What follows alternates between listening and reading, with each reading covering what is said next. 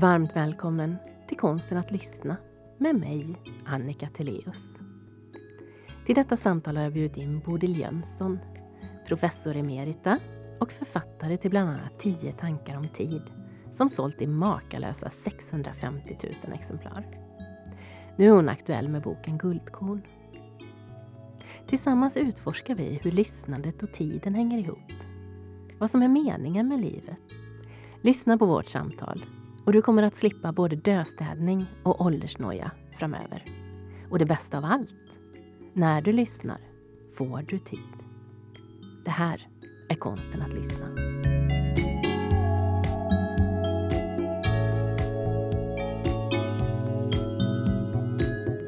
Innan vi börjar Mm. så har jag en eh, ritual. Okej. Jag har en poddbön. Ja. Och den går så här. Jag bjuder in den klokaste delen av mig till detta samtal. Låt mig vara öppen, äkta och närvarande. Låt samtalet vara varmt, utforskande och fullt av tillit. Låt oss ta fram det bästa hos varandra och välkomna det som sker. Låt detta samtal bli ett fint minne som vi skapar tillsammans, här och nu. Mm. Vad tänker du runt det? Då tänker jag på att då får jag börja med att ge dig ett ord. Det här kommer ta lite tid. Ordet är konvivial. Och det har du troligen inte hört på svenska och det är du en av många som inte har hört. Det finns på engelska, det finns på franska. Eh, jag hade länge letat efter något som skulle täcka precis det du inledde med. Eh, Och då kan man hitta att vi har antirasism, vi har antifascism, vi har anti allt möjligt som vi tycker är dåligt. Men vi har inget ord som kan föra ihop hur är det när det är generöst? Hur är det när man den ena kan vila i den andra, det här fina som vi kallar för tillit. Eh, när man vågar ta ut svängarna, när ingenting kan vara farligt, när bägge parter önskar inte bara den andra väl utan önskar den andras framgång. Och så hittade jag det här ordet till sist och blev väldigt lycklig över det. Och jag har skrivit mycket om konvivialitet i mina böcker. Eh, och jag har inte fått särskilt många efterföljare på det. Men sen hade jag tur för några år sedan, fyra, fem år sedan. Då var det på svensk tv, bästa sändningstid från Nobelfestligheterna. Eh, en man som hette Rainer Weiss som hade fått Nobelpriset i fysik för att han hade varit med att fånga det vi kallar för gravitoner, alltså gravitation tyngdkraften har varit fysikens skamfläck för att minsta lilla barn vet ju vad tyngdkraft är av erfarenhet. Men vi har inte haft varken någon teori eller vi har inte kunnat bevisa vad det egentligen handlar om. Och då var det så att det här forskarlaget som han ledde, de hade hållit på länge. Och nu sitter Victoria Dyring och intervjuar honom ungefär som du intervjuar mig här. Och så sträcker hon fram mikrofonen det första hon gör och de är prydligt uppklädda och det är så fint alltihop. Så säger hon men varför har ni inte gett upp? Ni har hållit på i 20 år. Varenda dag, varenda vecka. Och ni har inte hittat det ni vill letade efter förrän då efter 20 år. Och han, eh, du måste titta på honom på nätet, han ser ut som eh, de riktigt gamla fysiker, de ser så snälla ut ofta. De har så snälla ögon och håret står som på Einstein och så.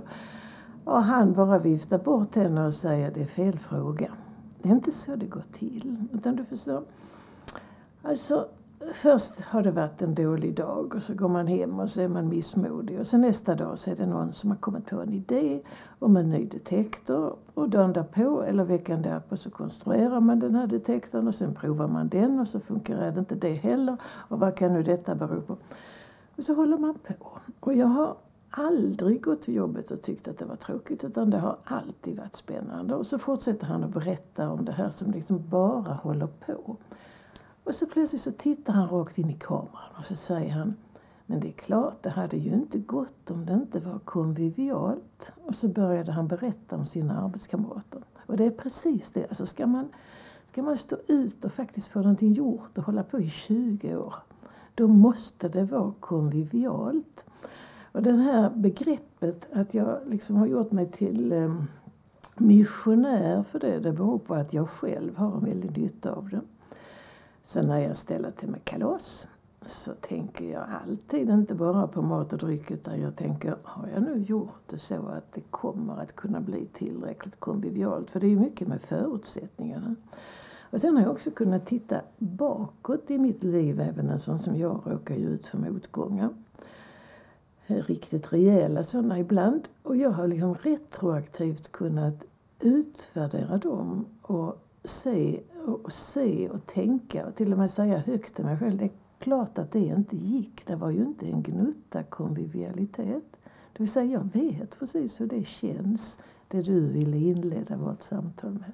Så varsågod, nu fick du ett ord och sen kan vi gå vidare från detta. Tack så mycket. Varmt välkommen Bodil Jönsson. Tack. Du har ju eh, riktat mycket av din tid mot tid. Ja. Eh, och jag är nyfiken på hur hänger tiden och lyssnandet ihop?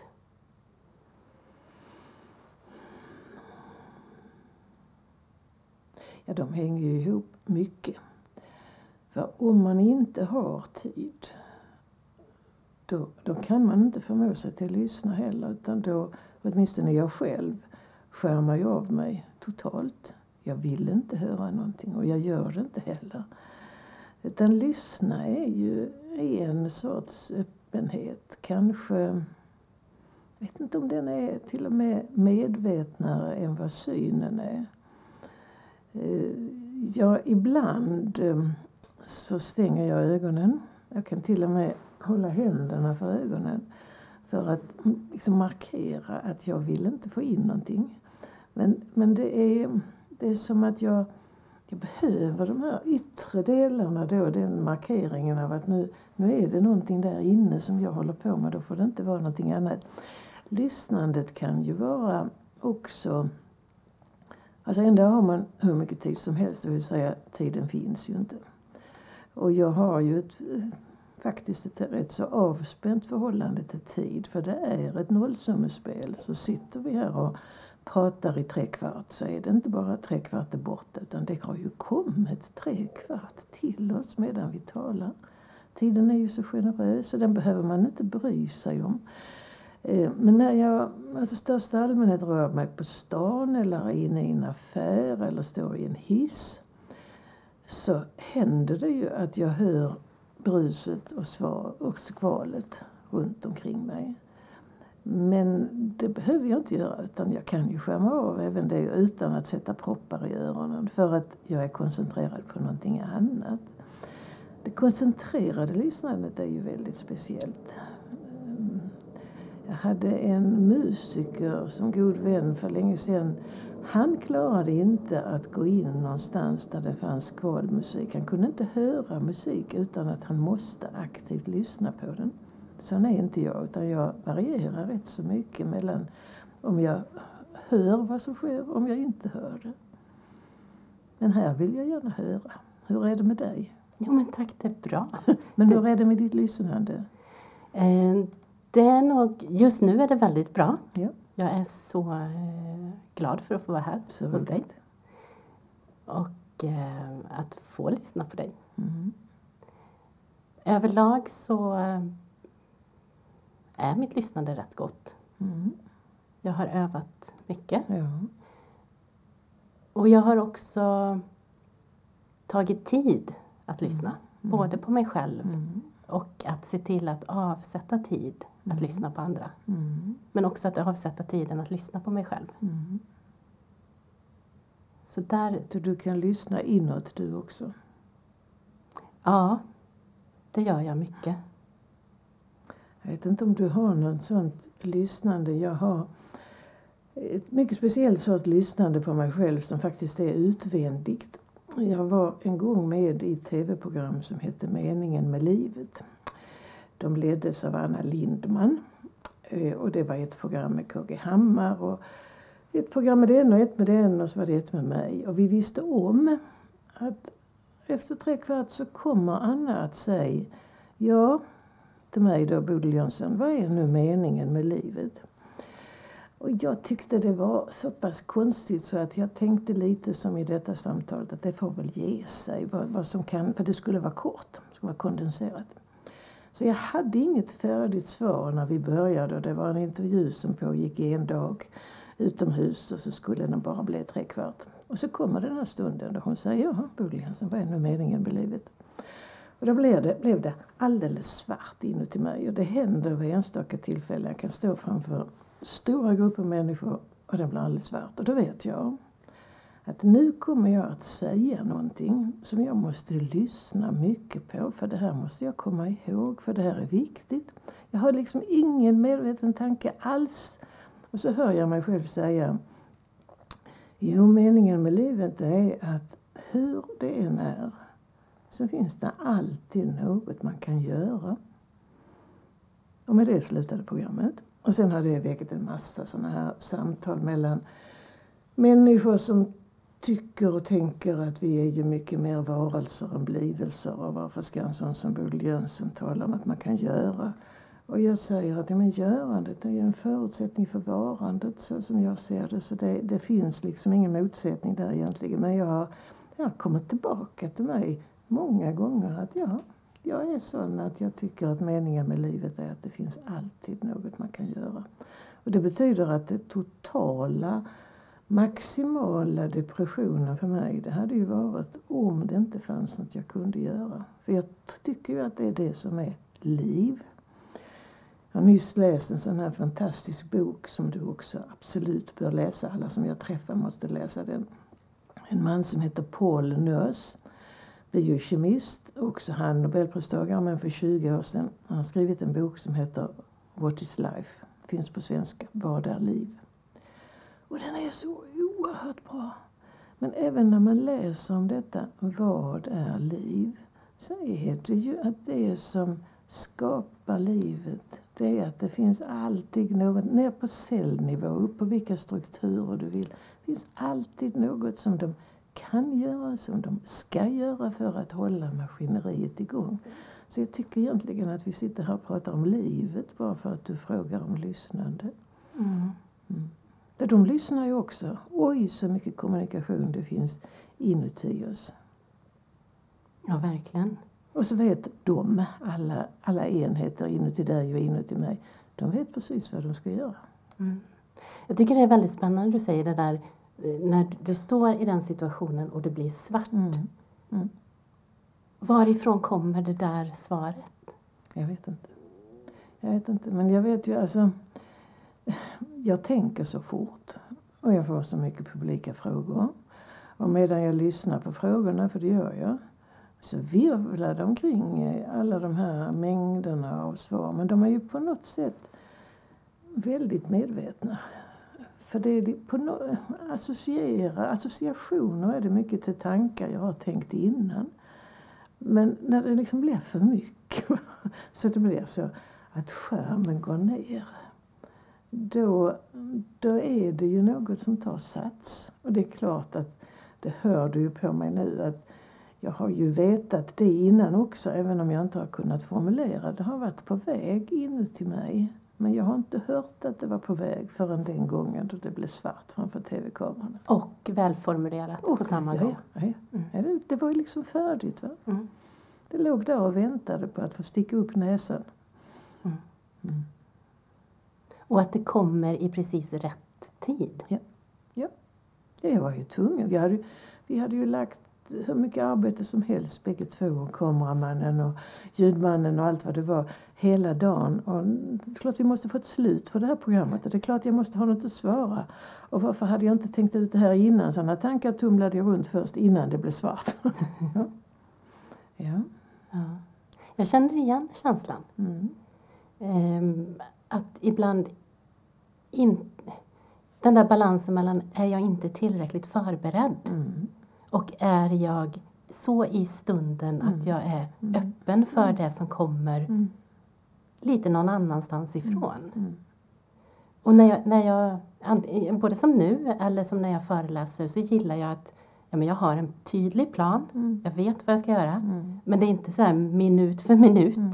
Mm. Utan det finns en grund, det finns en riktning. Mm. Men också att vara i stunden och reagera och lite jobba med det som händer i mig på ett annat plan.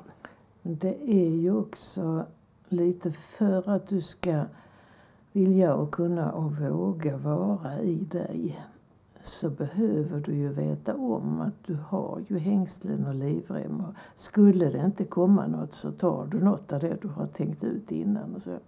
Så det är ju också, alltså tillit är inte bara mellan människor utan självtilliten gör mycket med oss. Och självtilliten kräver att det finns någon som har förberett sig. Sen finns det ju något annat som, är, som jag har koden LPP för. Det betyder löses på plats. Och löses på plats det är när man sitter och försöker planera någonting och man får inte ihop det och det är så besvärligt allting. Och då brukar jag klämma till med att alltså det, vi löser det på platsen. När allting finns där då kommer det att vara så tydligt och då har man liksom klockan framför sig och man vet när man måste vara färdig och omgivningen är där. Och då, allt, kan ju, allt kan man inte göra så med och man bör inte göra det heller utan jag är ju ofta också väldigt förberedd. Men somligt sorterar jag bort och tänker LPP, färdigt. Underbart, det ska jag använda framöver. Den, den, den kan du använda, den är väldigt bra. För att man lär sig känna igen också vad är det för standardsituationer som löses bäst på plats. Ja, och lite att vara på tårna, att inte Ja, ha ett manus Ja, där jag absolut. vet precis vad jag ska säga utan ja, men vad är det som dyker upp? När den här, eh, det här samtalet är över så lite senare så ska jag åka till Lund för att ta ett tåg till Växjö där jag imorgon ska vara den som håller samman en hel stor läkardag. Och den ska inledas med att jag ska ha en föreläsning på 40 minuter.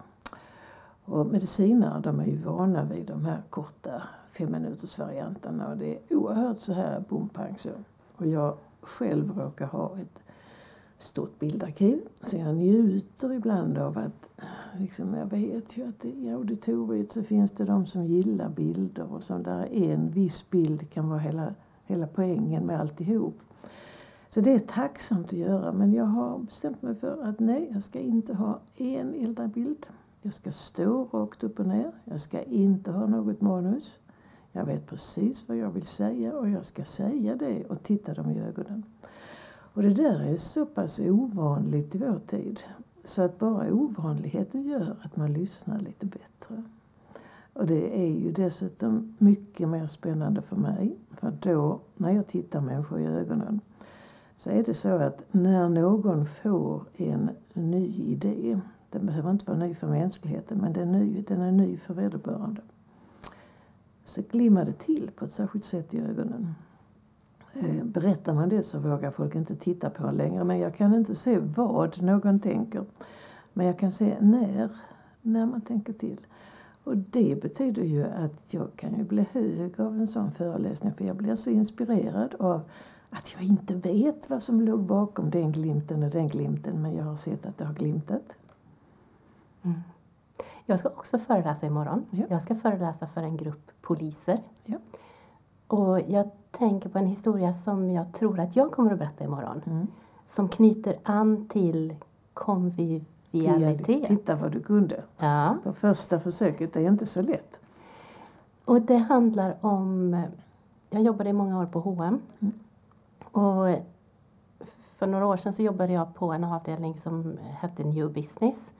Som jobbade med olika varumärken. Det var Mm. Weekday och Monkey och Koss Mm. och olika varumärken under hm paraplyt Och hade ansvaret för att eh, ordna man hade en eh, kvartalsdag och så skulle man ha julfest på kvällen och jag skulle ha det där blocket mellan dagen och Mm. kvällen. Mm. Och då hade jag gjort i ordning paket till olika grupper. Jag hade delat in i grupper. Och så var det en grupp som blev grupp Monkey Mm. och en grupp som blev grupp. Weekday. Och de fick ett färdigt kit med, eller inte färdigt, ett inte färdigt kit, men med pepparkaksdelar. Ja. Så de skulle montera och bygga ett Monkey pepparkakshus. Mm. Och så skulle de göra för respektive grupp. Men jag hade ju stökat till det här lite grann så jag hade ju i en grupp fick limpistolerna, Mm. en annan grupp fick eh, pyntet, Mm. en fick kristyr. Mm. Och så hade jag skrivit en instruktion om att för att göra det här så bra som möjligt, vi ska bygga en hm by Mm. Och för att den här byn ska bli så bra som möjligt så behöver vi kolla vad grannhuset har som du skulle behöva. Mm. Och- idka byteshandel och se till att du får några praliner till ditt. Men gör ditt hus så att det Mm. eh, symboliserar det varumärke som du är på. Det gick inte alls som jag hade tänkt. För det fanns så otroligt mycket tävlingsinstinkt. Mm. Så hade man fått limpistoler, Mm. det fanns inte i denna värld att lämna ifrån sig limpistolerna. Så att det var ett hus som hade jättemycket kristyr, ett annat hus som hade godis Mm. och ett tredje hus som hade limmat ihop sina delar med limpistolerna. Mm. Men det fanns, fanns ingen tanke på att om jag ger dig, hur ska vi göra det här tillsammans? Utan det blev en väldigt, väldigt stark tävlings... Så de upplevde inte att de satt i samma båt. Nej. Det finns, eller åtminstone fanns, en grupp som hette Lissabongruppen som med bland annat var tidigt i eh, klimatproblematikens tid. Alltså långt innan man började tala om det gemene man. Men jag tror det var klimatet som var början. Att de kunde tänka att också globalt så sitter vi i samma båt. Eh, och sen gjorde de en fantastisk genomgång som de kallade för Limits to Competition. Alltså, det behöver ju inte vara något fel på att tävla. Det kan till och med vara lite roligt att se om du får fler sexor än jag. Lite så här när man, när man sitter och leker. Eh, och det kan, vara, det kan vara en sporre i arbete också. Inte att för att trampa på någon annan men att eh, där är ju mycket i det här med mm, rangordning mellan människor. Jag ska inte spåra ut nu men jag vill gärna prata rangordning sen. Men när man blir medveten om att eh, till exempel i deras fall att det var ju en by som skulle kunna fungera. Då var de ju beroende av att de i grannhuset också funkade. Så det inte blåste för mycket där så de inte kunde sova på natten så de blev lite kinkiga nästa dag och så. Men det, den hade de inte uppfattat. Så det kan hända att en väldigt liten förändring i din instruktion skulle gett ett helt annat klimat. Sånt är ju jättespännande. Det är det. Och, spännande att se en, i en värld som ofta är rätt fokuserad på tävling. Ja, visst. Där det är någonting som vi premierar. Mhm. Men ändå om du säger så, H&M och hm gruppen alltså grejen är ju ändå att det är ju, jobbar man där så är det H&M som ska ha framgång. Det är ju mycket det som ett varumärke står för, att man ska ha något att identifiera sig med. Man ska vilja H&M väl. Mm. Så så. hade instruktionen handlat om att ni ska göra den här byn till något som H&M skulle vara stolt över. Så hade man kanske gärna lämnat över limpistolen när man själv hade använt den. Ja. Mm. Jag får gå tillbaka och se hur min instruktion kan förbättras. Ja, det, men det var, det var ju ett intressant resultat. Va? Ja, det var lite spännande. Ja. Och jag, jag har berättat den ibland när jag föreläser och hur, hur många som känner igen sig. Mm. Att man jobbar i sin lilla enhet Mm. med sina limpistoler. Mm. Mm.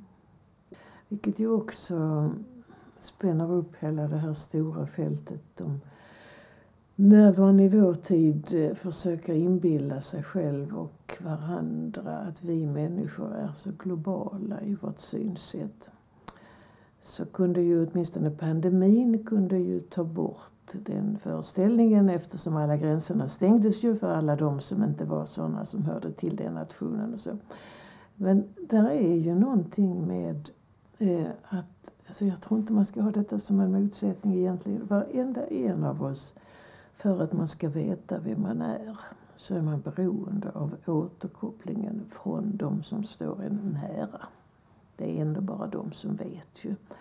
Eh, och den kärnan, om jag förenklar det och säger mina barnbarn till exempel. De är ju viktigare för mig än några andra barn på jorden. Förstås. Och det är ju då, och det, det är inte fel. Det ska så vara för att det är det som också bygger upp det globala. Att känner man sig trygg i sin hemmatillvaro så kan man vara hyfsat trygg. Men av någon anledning så är det Pakistan som fladdrar upp i mitt huvud.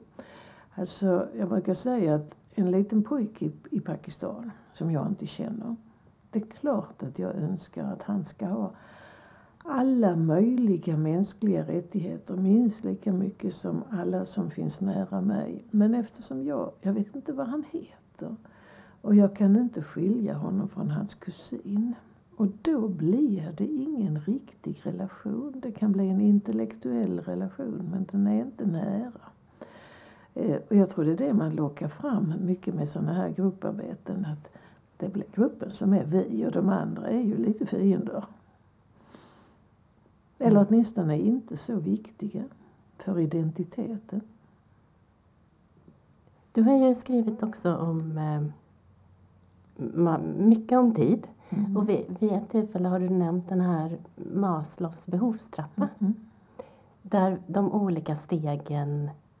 Vill du förklara runt det? Hur du... Gärna.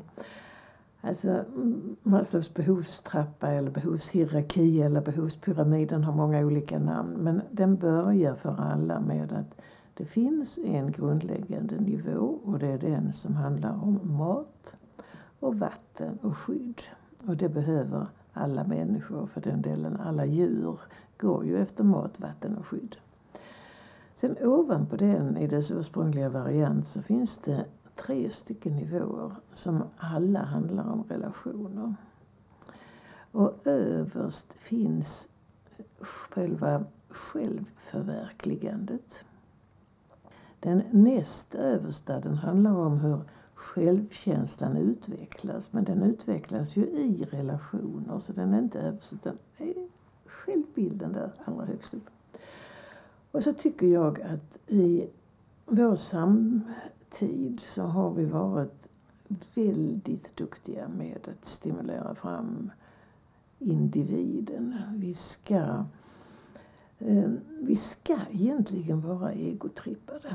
Eh, alltså, varenda femteklassare idag kan skriva CVn som är längre än vilken professor som helst. För att de får lära sig att de ska framhålla sig själv. Och det gäller ju också, man ska räcka upp handen om man har den sortens skola. Om man ska göra sin stämma hörd och man får inte lov att sitta och bara tänka. Utan man ska markera att man finns och man blir omnipotent som en treåring är. Jag tycker det är lite löjligt för det där fortsätter ju upp i 20-25 års ålder numera att människor är väldigt omnipotenta. Eh, om man går för långt i det och missar relationerna, då blir det så på Maslow. Då får man en väldigt fin självbild där uppe så. Oh, så stark jag är, oh, så mycket jag kan. Men har man ryckt undan de här gemenskapsnivåerna som eh, är stöd för allt vad vi håller på med, då kraschlandar den på den nedersta, den som bara var mat, vatten och värme. Och det är en väldigt ful bild, att det ligger en utslängd självbild som har kraschlandat på, på basbehoven. Så vill vi ju inte ha det.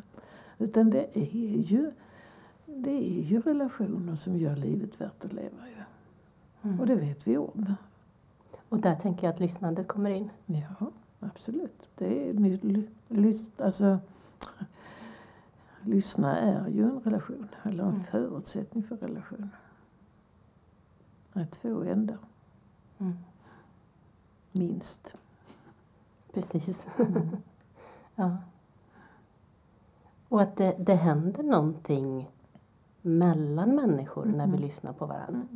Inte Absolut. bara hos den som blir lyssnad på Nej. utan även hos Nej. den som lyssnar. Absolut. Absolut jag, jag, på gränsen till att jag vill säga att det händer något hos mellan också. Ibland så tänker jag att det är mellan som är grejen.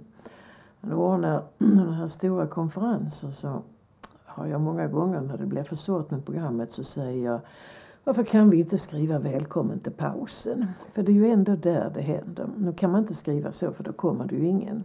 Och dessutom hade inte samtalen blivit så bra för de hade inte haft så mycket att prata om. Men, men det är ju när den ena människan säger till den andra vad menade hon med det som hon sa då efter sådär en kvart. Det stämmer ju inte alls. Och, tänker du, och det, är då, va? det är då man själv är med som aktör. Utifrån att man för en halvtimme sedan har lyssnat. Mm. Gör man sånt med sig själv så kan man ju kalla det för finare ord. Begrunda. Mm. Man kan begrunda det i sitt hjärta. Plötsligt då så låter det som om inte hjärnan är med. Det tror jag ju att den är i alla fall.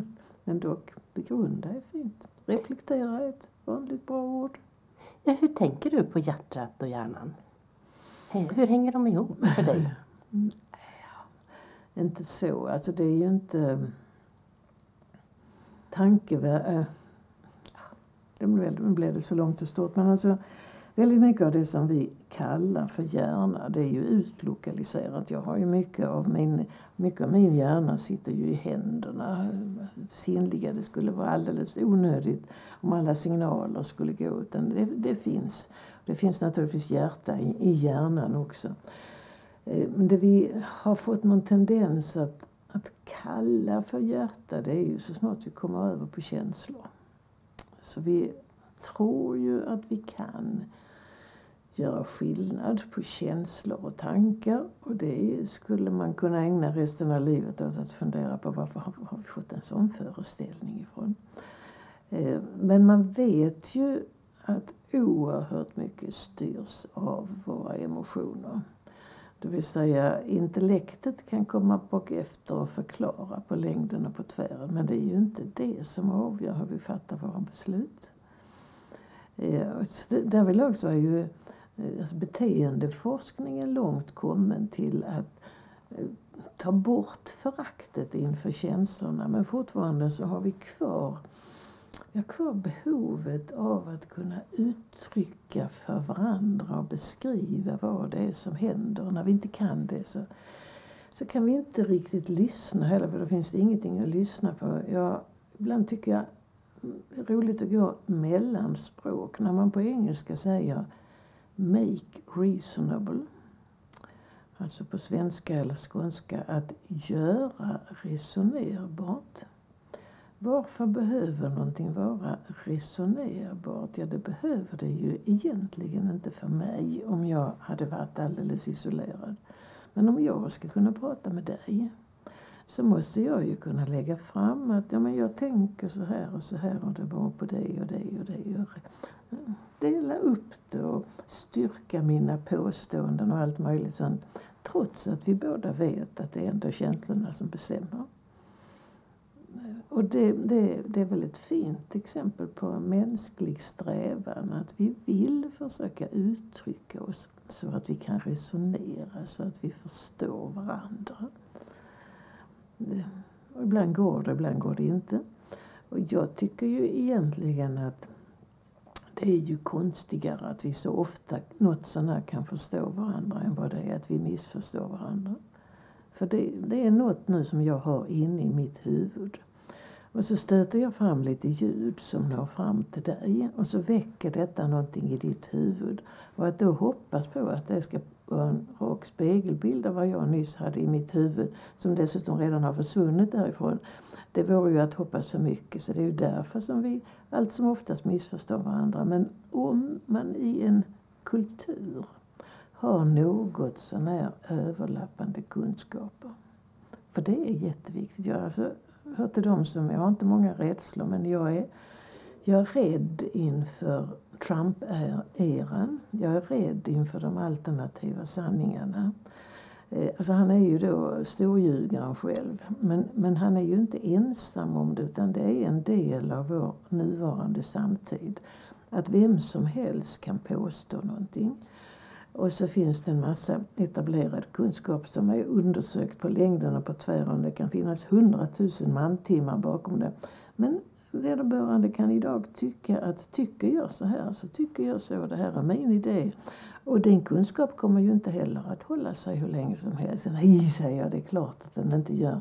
Men det är det bästa som mänskligheten har kommit fram till hittills och jag har mycket större respekt för det än vad jag har för något av alla mina geniala påfund som jag innan det blir natt så kan jag ju för det mesta slänga 99 av 100 för att de, de håller ju inte för de hade ju inte, var bara embryon till någonting. Men att jag tror detta är så viktigt är att om kunskaperna eller föreställningen om sanningen ehm, till och med programrubriker som Min sanning har jag väldigt svårt för. Jag vet att tillvaron ser olika ut för olika människor. Men eh, att, att um, hålla på och indoktrinera varandra i att det alltid om en och samma företeelse finns många sanningar. Det blir så farligt för till sist blir vi så ensamma om att var och en kan då tro precis vad de vill tro. Och det kan väl vara liberalt och fint och allt vad du kan tänka dig. Men då, finns det inga relationer kvar om man drar ut det hundraprocentigt. Det, det är en fluga, den går säkert över. ja. Vad, vad ska vi göra? Förlåt, vad sa du? Vad ska vi göra för att vad komma vi vidare? Göra? Ja, vi kan ju egentligen vi kan bara fortsätta. Alltså det, det var ju nytt för tio år sedan kanske var första gången som jag mötte en människa som på ett seminarium i ett akademiskt sammanhang så sa hon att plötsligt nej, så är det inte. Och då, vi är ju väluppfostrade inuti akademin så vi vände oss om med stora ögon och det var för oss allesammans var det här en etablerad sanning. Och så sa vi att ehm, nej, men så spännande, hur tänker du då? Nej, jag tycker inte det. Och, det var ju ingen slump att hon sa det utan hon hade haft en liten krets kring sig där de gjorde så. De njöt ju av, och det är ju spännande att kunna tänka vilken tanke som helst. Och som sagt, jag får också tusen idéer per dag. Men de flesta är fel. Och man får låta dem mogna till sig lite grann. Men eh, kanske en, eh, är det, om jag ska hålla mig till ditt tema, det är kanske ett missförstånd på lyssnandet. Vi, har ju, vi får ju lära oss att vi ska lyssna väldigt mycket och vi ska också lyssna på barnen. Eh, så var det inte för till exempel Platons lärjungar. De fick vara på plats i tre år innan de fick öppna munnen. Under de här första tre åren skulle de inte göra någonting annat än lyssna för att kunna ta in och förstå sig på. Det kan kan vi då kalla för indoktrinering. Men jag som har respekt för lyssnandet, jag tänker att oj, så många tankar de tänkte under de tre åren i tysthet. Och vad det kanske tillförde dem också längre fram, att de hade fått öva upp sin förmåga att lyssna. Om man istället gör så att man möter en en femåring och eh, är så, tycker att det är så fantastiskt vad han kommer på för idéer den pojken. Och det är det ju. Det är så roligt att ge beröm. Men om man får stanna i det, att varenda, varenda liten tanke är så märkvärdig, så blir det en helt annan värld än om jag för över det långt, inte så hemskt långt tillbaka, men en bit tillbaka. När det liksom var meningen att varje liten femåring skulle vara med på gården och hjälpa till för att man skulle skolas in för att göra saker på precis samma sätt som far och farfar och farfars far har gjort. Och det är två olika världar. Bägge två kan ha sina fördelar men den här eh, senaste, driver man den för långt så tror jag man förhindrar på något sätt människors möjligheter att mogna. Alltså om, om jag hade varit 100% egotrippad så hade jag inte suttit här och pratat med dig. Vad skulle jag prata med dig för? Jag har ju redan allt. Så det, mm, vad vi kan göra då det är väl bara det att fortsätta att leva och det här är en fluga som jag faktiskt tror att den går över för att den är självdestruktiv. Det är för många som blir för olyckliga som en följd av det. I onödan dessutom. vi ska låta tiden jobba för oss. Ja, och det är bara det att alltså, har någon gammal mening där jag säger att tiden tänker men den handlar inte. Det måste människorna göra. Så man kan se, faktiskt se det så, det här som vi kallar för tidsandan. Eh, det är inte så att tidsandan av sig själv övergår i en annan tidsanda. Utan det innebär att människor handlade som en reaktion på den tidsandan som fanns. Och plötsligt är det en annan tidsanda. Och riktigt hur det här går till, fenomenet tidsanda, tycker jag är jättespännande. För vi, eh, alltså vi är så blinda för den tidsandan som vi är mitt inne i. Det är så lätt att resonera om den som var på 10-talet och den som var på 20-talet och så. Men att ibland komma underfund med konstigheter i den egna tidsandan. Jag har ett lite nyvunnet exempel som jag tycker är kul. Jag skriver en del krönikor och bland annat så skrev jag för en månad sedan eller så en krönika som handlade om döstädning ifrågasatt. Alltså människor i min ålder. Vi blir itutade av tidsandan att vi ska döstäda för att vi ska inte besvära våra efterlevande. Och det där eh, kommer ganska tidigt så att det är många som när de är precis nypensionerade så tror de att de måste börja döstäda genast. Och själv tycker jag att det är så urbota dumt för att nu är man inne i en ålder då de kognitiva förmågorna inklusive närminne och annat, de avtar och då ska man ju använda sig av de hjälpmedel som finns runt omkring en. Och sådana här saker som betyder någonting för en. Alltså de, det syns inte på utsidan men de betyder faktiskt någonting. Och de ska, de ska inte bara finnas där för att de ska betyda något, de ska finnas precis där de är. För att det är det som jag är van vid. När du kommer in här, vi gör det här samtalet hemma hos mig. När du kommer in här så innanför dörren så står det en skohylla. Och på den finns det ett par skor som är sådär storlek 22 eller 23. Eh, och det har en sån enkel bakgrund, det går inte långt tillbaka men det kommer att följa mig. Men jag var hemma hos en väninna som hade några små barnskor innanför dörren. Och så insåg jag att, och de stod kvar där varje gång jag kom dit, så insåg jag att när jag ser de där skorna så blir jag så snäll. Alltså små barn väcker ju någon sorts snällhet hos de flesta av oss. Så det betydde att när jag ett halvår senare var i en skinnaffär och stod vid kassan och skulle betala så fanns det sådana här små skor där vid sidan om kassan och så sa jag, säljer du dem? Ja, visst, sa han. Och så köpte jag dem. Och så ställde jag dem här. Och de, till skillnad från det mesta annat som man har som man kan ju bli lite hemmablind. Men när jag kommer in genom den dörren Varenda gång så ser jag de skorna. Och varenda gång så kan jag känna hur mungiporna går upp och hur en del av struligheterna ute i världen liksom rinner av mig. Jag blir snällare tack vare dem. Att då omge sig med sånt som är viktigt för en själv och som kan bli viktigt för efterlevande. Det är så självklart att man ska göra så. Och det, alla vi som har städat upp i döds, dödsbon, vi vet också att det är, det är sorgligt men det är ganska lätt för det mesta betyder ju ingenting för de efterlevande. Det betyder att det därför är det lätt att städa undan det också. Men tänk om jag nu hade slängt något som betydde något för någon av mina efterlevande. Eller om jag 20 år i förväg med tanke på döden började städa upp. Ja, jag skrev den där krönikan i alla fall, så skrev jag om det här. Och hade väl räknat med att få lite skäll av alla de som tycker att vi ska vara präktiga och sköta oss. Dödsstäda är för övrigt ett nyord på 2000-talet någon gång, så det är inte länge man har haft den flugan.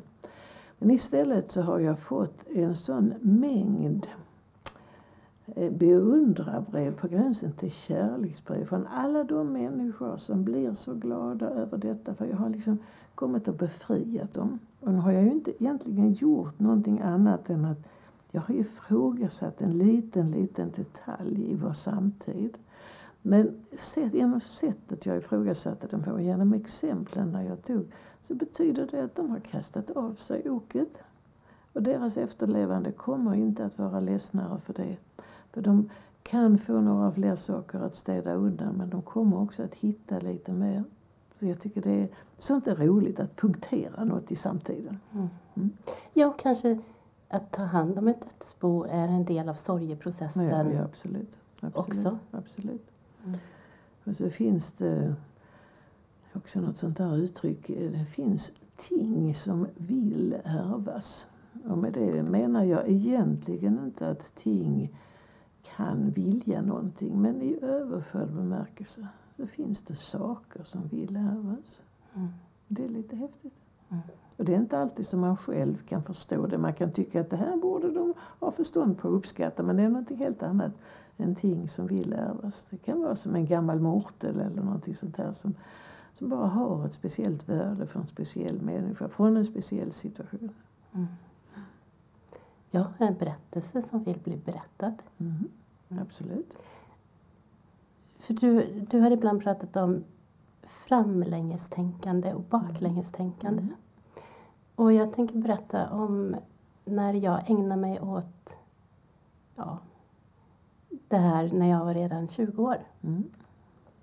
Jag ställde frågan till ett par kompisar. Vad tror ni vi gör om 10 år? Alltså mm. när vi är 30. Mm. Och då satte vi oss ner, vi var tre stycken, så vi satte oss ner var och en och skrev ner. Mm. Vi tänkte oss fram i tiden. Vad gör jag om mm. tio år? Eller vad har jag gjort? Mm.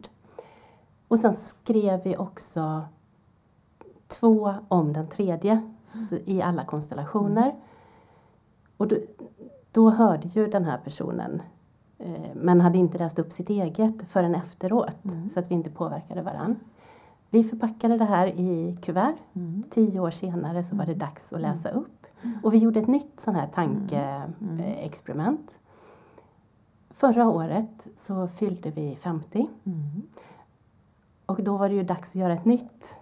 Ehm, men mina två kompisar, ja, både tidsbrist och lite åldersnoja mm. gjorde att ingen var med. Men jag tänkte att nej, men jag, jag vill göra det här mm. igen. Så jag, jag hoppade fram i tiden när jag var när jag är 60. Mm. Det är ju ingen som vet om jag blir. Men, men under den förutsättningen. Och tänkte att när jag står där framme 60 år och tittar tillbaks på de här 10 åren som har gått. Mm. Jag fick en sån fantastisk... Jag fick en sån känsla av att de här 10 åren, de har varit de mest spännande i mitt liv. Mm. Och jag fick också lite, lite känn på att om jag hoppar tio år till mm. och vänder mig om och tittar på åren som har gått mm. så kommer jag fortfarande att känna att wow, mm. tänk att jag har mm. kunnat göra allt det här. Mm. Och för mig var det det tog död på varenda uns av åldersnoja. Mm. Det var en sån skön känsla. Det du rör vid nu det är ju att det finns en, en föreställning om åldrandet som jag själv också har omfattat förr i världen. Alltså jag tänkte ju inte på åldrande, det gör man inte när man är tillräckligt ung. Men att det skulle vara som en tratt. Alltså jag skulle bli mer rigid, jag skulle få mindre möjligheter att göra någonting och livet skulle bli snävare och det kan man kanske anpassa sig till ungefär så tänkte jag. Och själva verket så det jag har varit med om det är, det är någonting som är precis tvärtom och som väldigt tydligt beskriver egentligen det du förutser. Nämligen att tratten går på andra hållet. Alltså det definitiva beviset för min egen del på det, det var när jag hade varit pensionerad i tio år. Eh, och så tänkte jag, alltså, vad, jag, vad jag har gjort de här tio åren, det vet jag rätt så väl. Men vad har de här tio åren gjort med mig? Eh, och det är ju mycket. Men ju mer jag tänkte på det, desto mer begrep jag plötsligt att jag kan inte hitta någon tioårsperiod i mitt vuxna liv Då jag har lärt mig så mycket som vad jag har lärt mig de senaste tio åren. Och det här är ju på tvären mot alla föreställningar. Dels tror man ju inte att gamla människor kan lära sig någonting, det vill säga vidga sina horisonter. Eh, och dessutom så har jag jobbat på ett universitet hela mitt yrkesverksamma liv så det blir ju lite konstigt när man kommer loss från universitetet att man då plötsligt efter tio år upptäcker att jag har ju lärt mig mer på detta. Jag vet att jag har skämtat och sagt att jag har Academy at Home. Jag vågar inte ens säga det på svenska utan det låter tjusigare så med Academy at Home. Eh, men jag behöver ju inte heller bevisa det här för någon. Men jag har rådbråkat det här med mig själv och tänkt att egentligen är det inte så konstigt. För när jag idag får en idé, ett tankespår, så kan jag fullständigt hämningslöst följa det spåret. Jag kan läsa, jag kan skriva, jag kan tänka, jag kan föreläsa, jag kan lära mig mer, jag kan lära mig mer. Så kan man inte göra under ett yrkesliv för då finns det studenter som ska ha föreläsningar, det finns doktorander som ska handledas och det finns anslag som ska sökas och det finns allting sånt. Men det är alltså en av de här friheterna som man kan få det är att man kan hålla på med helheter och man slipper splittra sig så mycket. Och det är en av de tre grundstenarna i lärandet. Det är fenomenet uppmärksamhet. Om du kan fullfölja det, du har din uppmärksamhet på, då lär du dig oerhört mycket om just det. Istället för att det liksom bara trillar ut mm. sidan. Så du har, och det finns ju eh, Alltså, egentligen kan man ju, man kan aldrig veta förrän man har provat. Så du kan inte veta förrän du är 60 och sen kan du inte veta förrän du är 70.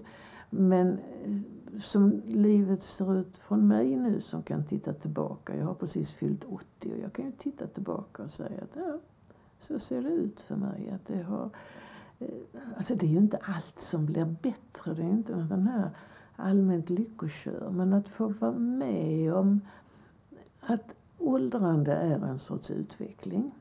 Och också att eh, jag höll på länge och funderade på vad som hade blivit bättre och vad som hade blivit sämre. Eh, för somliga, somliga saker är jag mycket bättre på nu än vad jag har varit i hela mitt liv och annat är jag mycket sämre på. Så Jag har lagt ner det här projektet med bättre och sämre. Jag tycker bara det är fantastiskt att få vara med om detta också. För det är ju hela tiden nya kombinationer Eh, men med någon sorts bibehållet kärnjag. Och det finns de, bland annat eh, fransmannen Michel Foucault. Han, han betraktade ålderdom, han kom aldrig så långt, han, han dog dessförinnan, men han betraktade ålderdomen som livets brännpunkt. För det var inte förrän då man kunde veta vem man var. Och det är ju en vacker, det är en vacker bild. Eh, men att jag, jag nöjer mig än så länge med att säga att jag tycker det är så häftigt att få vara med om detta också. Jag har varit 40, jag har varit 30. Eh, det var kul det med. Jag vill ju inte gå tillbaka, det vet jag ju precis hur det är. Men tänk att få vara med om det här också och ha sån tur så att man får det i en sån värld som vår. För det är ju också något som är man hoppar över det där. Alltså, det finns ingen som blir gammal i ett vakuum utan man blir gammal i sin samtid. Och det är väldigt stor skillnad på att bli gammal förr i världen och bli gammal nu. De som har det riktigt svårt idag, det är varken du eller jag, det är tonåringarna. Det har blivit så lätt att bli gammal och det är så svårt att vara ung. Mm. Mm. Ja, det vänder ju lite på ja, perspektiven. Man, och man kan också undra vad det är för sorts kultur som vi har skapat när det har blivit så. För kan ju tyckas som att det borde vara den auktoritära kulturen där de gamla kunde sätta sig på de unga och kräva respekt och så här. Men de hade det ju inte särskilt bra. Det har däremot äldre i vår tid. Jag tror aldrig det har funnits några äldre som har haft det så bra som vi har det nu. Vilket mycket handlar om teknik. För den är ju också, jag har alltså jobbat på teknisk fakultet hela mitt yrkesliv. Så jag är liksom insyltad i att se teknikens roll i människors liv. Och det här att alla idag i vår kultur slipper bära ved och vatten och slipper fumla med olja till lamporna. Så där. Det är ju bra för alla, så därför brukar man inte tänka på det. Men det är ju särskilt bra för äldre människor. Har man lite taskigare muskler, lite sämre balans så är det en väldig massa sånt som upptog hela dagen, hela veckan för människor förr. Och som vi nu tittar bland annat ibland på tvättmaskinen. Alltså när jag tvättar, jag stoppar in tvätten, jag trycker på knappen så går jag och gör någonting annat. För min mormor tog det två dygn när de släpade tvätten två kilometer ner till sjön. Och sen låg de där i iskallt vatten Mm. och tvättade. Så vi har ju fått, eh, vi har fått för oss i vår tid att vi har så ont om tid. Men vi lever längre och vi allra mesta behöver vi inte göra för det gör tekniken åt oss. Så vi har väldigt gott om tid i Mm. vår tid. Det känns så härligt att höra det. Och jag tänker att jag har en uppmaning till lyssnarna att ta vara på den där tiden. Mm. Att tänka att vi har gott om tid och vi har tid att lyssna. Mm. Och se till att avsätta tid både för att lyssna på dig själv Mm. och på andra. Mm. Varmt tack för att du kom hit, eller att jag fick komma hem till dig Bodil. Vi, vi kom båda till inspelningen. Ja, det gjorde Just vi. Ja. Som tur att vi kom samtidigt. ja, det var ju jättebra. Vilken tur vi hade med tiden och tajmingen. Absolut. Tack. Tack.